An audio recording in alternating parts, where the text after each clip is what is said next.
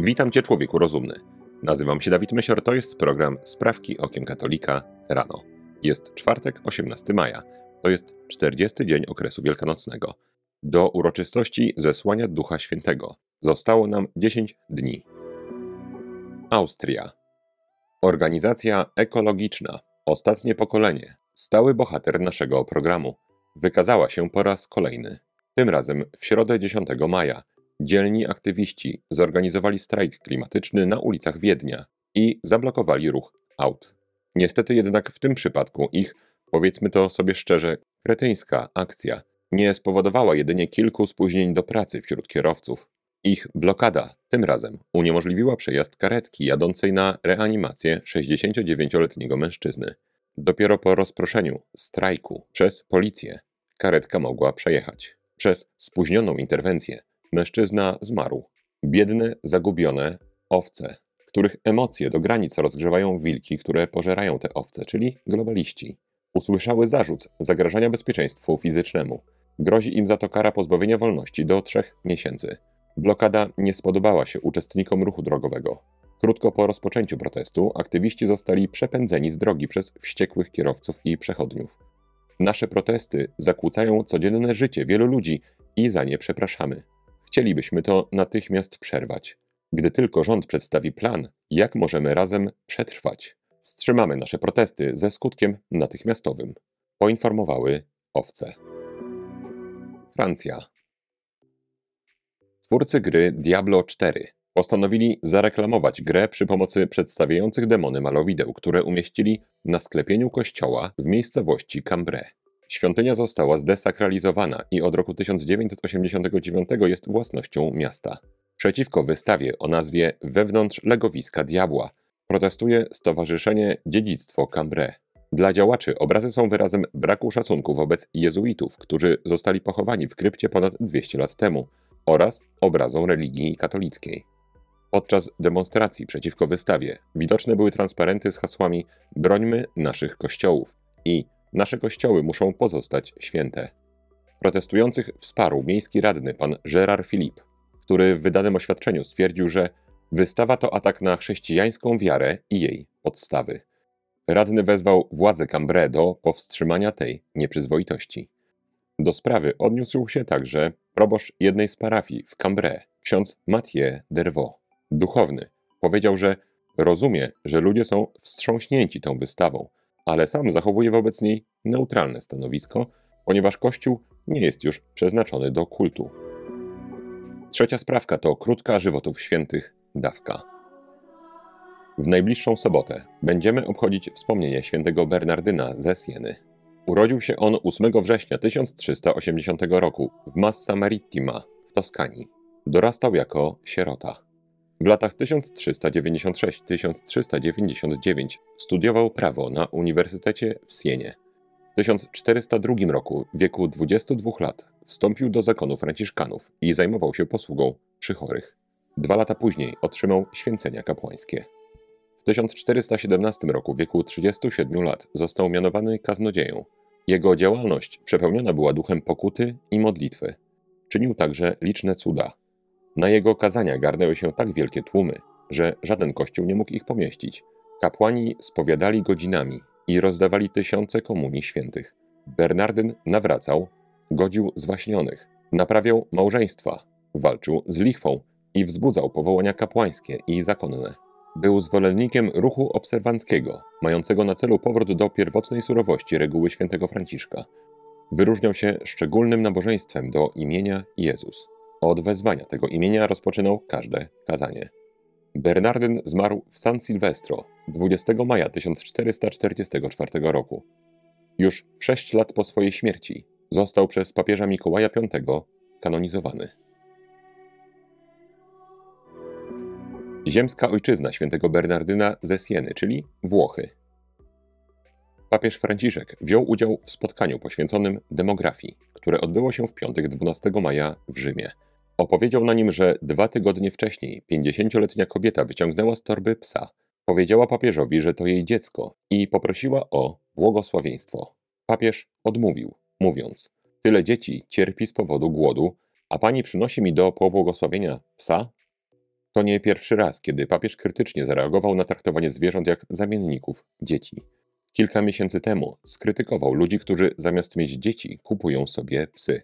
To coraz częstsze zjawisko we Włoszech, ziemskiej ojczyźnie świętego Bernardyna ze Sieny, gdzie dzietność jest obecnie dramatycznie niska. Na spotkaniu z papieżem obecna była premier Włoch pani Giorgia Meloni.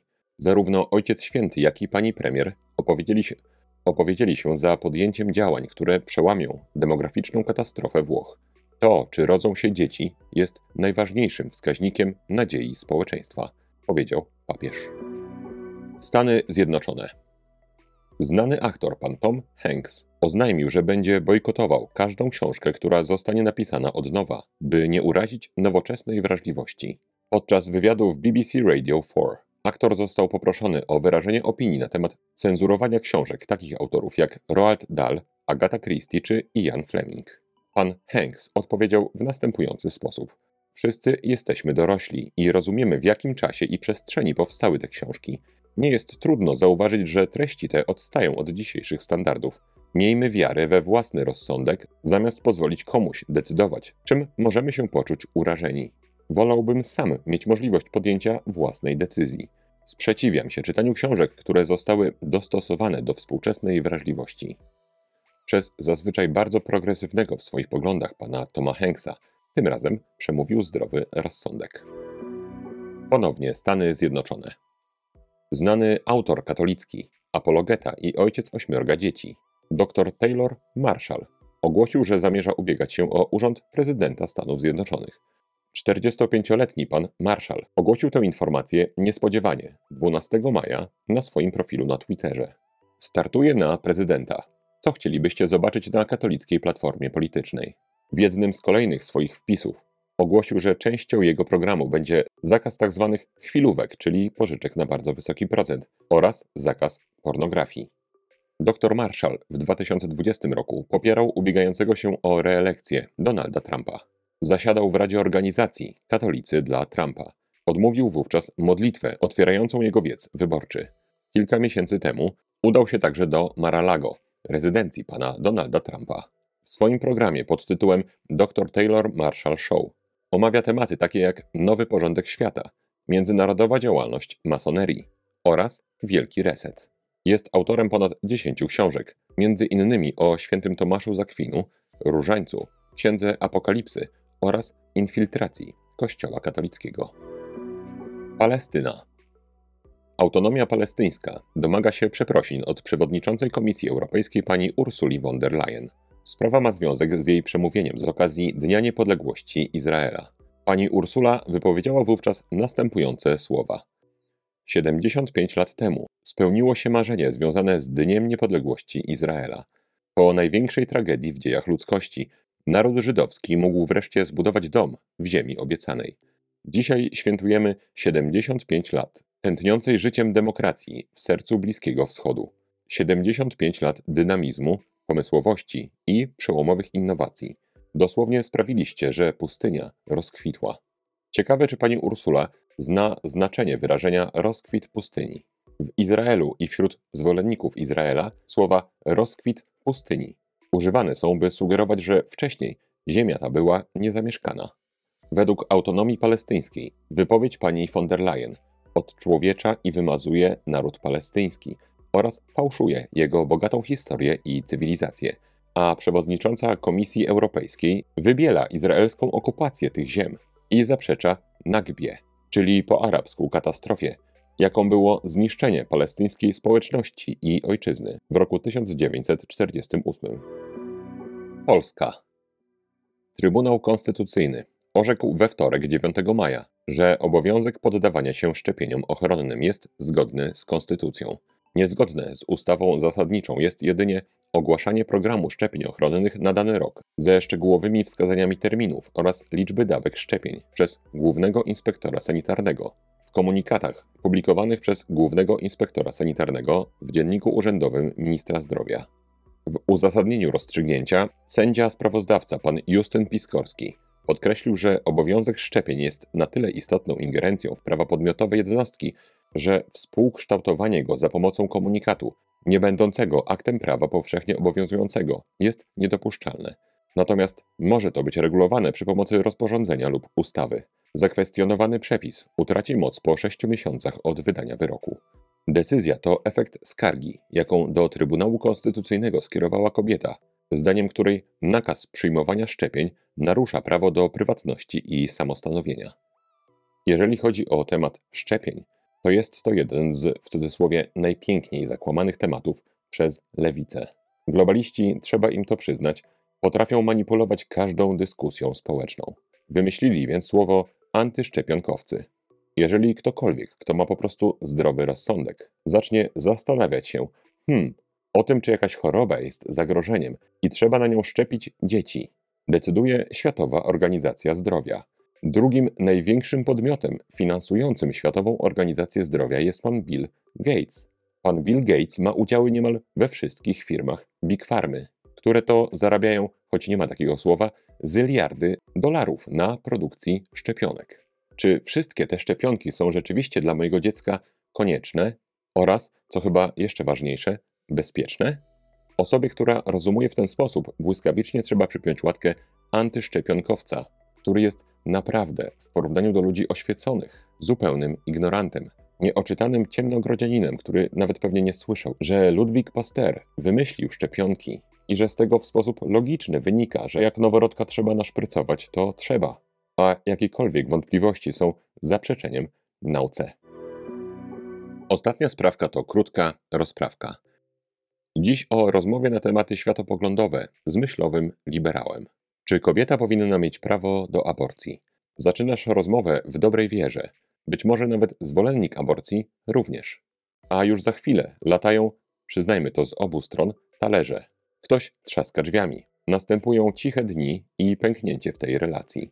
To może dla rozluźnienia atmosfery następnym razem porozmawiacie o eutanazji, in vitro, transpłciowości, edukacji seksualnej w szkołach lub prawach zwierząt? To jest świetny pomysł przy założeniu, że macie dużo talerzy do potłuczenia. Jeżeli chcesz utrzymywać relacje z osobami po drugiej stronie światopoglądowej, zostaje Wam coraz mniej tematów, o których można rozmawiać. Pogoda, przegląd samochodu, być może Liga Mistrzów, ale nie jestem pewien. Stefan, powiedz ty mi, jaką farbę ty tu kładłeś? Niestety dość szybko ograniczanie się do takich tematów czyni tę relację zwyczajnie bardzo nudną. To może znowu pogadamy o aborcji, Dziś, mój drogi słuchaczu, chciałbym powiedzieć Ci o pewnych wnioskach, do których doszedłem po niezliczonych rozmowach na tematy światopoglądowe z osobami o odmiennych poglądach. Rozmowy na te tematy nie mają żadnej szansy na zbliżenie ludzi do porozumienia. Dlaczego? Gdyż wszystkie tego typu dyskusje dotyczą wniosków, a nie założeń. Jeżeli założyć, że 2 plus 2 jest 4, to prawdopodobnie 4 plus 4 równa się 8. Jeżeli jednak założyć, że 2 plus 2 równa się 5, to ile równa się 4 plus 4? Jeżeli spotykają się dwie osoby o różnych założeniach i zaczynają na początku miło, dyskusję o wyniku działania 20 plus 14 lub nawet pierwiastek kwadratowy ze 111 do potęgi trzeciej, to wychodzą im różne wyniki. Ktoś rzuca przysłowiowym talerzem, ktoś trzaska drzwiami, relacja jest znowu nadszarpnięta. Czy osoba, która mówi, że 2 plus 2 jest 4, myśli logiczniej i uczciwiej od osoby, której wychodzi 7,5? Otóż niekoniecznie. Obie mogą myśleć w miarę logicznie i uczciwie. Różnią się tylko założeniami na temat matematyki. I oczywiście, jedne z tych założeń są prawdziwe, a inne fałszywe. Ale niekoniecznie świadczy to o braku logiki czy uczciwości u osoby, która ma założenia błędne. Czy można zabronić kobiecie dokonać aborcji? To zależy od założeń. Czy małżeństwo to związek kobiety i mężczyzny? To zależy od założeń. Czy eutanazja jest złem? To też zależy od założeń. Czy in vitro jest złem? Jak się pewnie domyślasz, to też zależy od założeń. Czy jeżeli ośmioletni chłopak czuje się dziewczyną, możemy zakazać mu przyjmować środki blokujące testosteron i ewentualnie obciąć sobie co nieco? To zależy od założeń. Te wszystkie pytania, które mogą prowadzić do niekończących się, ale jałowych dyskusji, to są pytania o wnioski. Kłótnie nie biorą się wcale, jak często sami sobie zarzucamy, z naszej nieumiejętności bycia miłym i dyplomatycznym. Przyczyna leży w samej tematyce rozmowy, którą, jak powtarzam, są wnioski, a nie założenia. Rozmowa o założeniach nie ma w sobie takiego potencjału atomowego, żeby ludzie się żarli. żeby trzaskano drzwiami, czy żeby wzajemnie się obrażać. O jakich założeniach mówię? Przy założeniu, że świat stworzył Pan Bóg, który człowiekowi samego siebie oraz swoje prawo objawia. Odpowiedź na wszystkie powyższe pytania brzmi tak. Przy założeniu błędnym, oczywiście, że świata nie stworzył wcale Bóg, lub że stworzył, ale nie dał człowiekowi żadnego prawa, lub że nawet dał prawo, ale nie takie, o którym mówi chrześcijaństwo. Jakiekolwiek inne założenie niż czysta doktryna katolicka, zawsze, nawet umysł logiczny i uczciwy, będzie prowadzić do każdej innej odpowiedzi niż Twoja. Nie, nie wiadomo, niekoniecznie, komu osądzać, dlaczego narzucać i tak dalej. Jeżeli naprawdę chciałbyś kogokolwiek przekonać do prawdy o aborcji, in vitro, transgenderyzmie, ekologizmie czy feminizmie, dyskutuj z nim o tym, że jest Bóg. Bóg stworzył świat i Bóg ustanowił prawo naturalne. Jeżeli nie potrafisz mówić mu o Bogu, czyli o tym, że 2 plus 2 jest 4, naprawdę lepiej dla obu stron, żebyś w dyskusję o gorących tematach światopoglądowych nie wchodził. To na dzisiaj wszystkie sprawki okiem katolika rano. Jeżeli chcesz mi pomóc, daj proszę na YouTubie łapkę w górę pod tym filmem i napisz komentarz. Życzę Ci błogosławionego dnia. Święty Bernardynie ze Sieny, módl się za nami. Człowieku rozumny, trzymaj się, nie łam się i bardzo Ci dziękuję za Twój czas. Mam nadzieję, że do usłyszenia jutro. Zostań z Bogiem.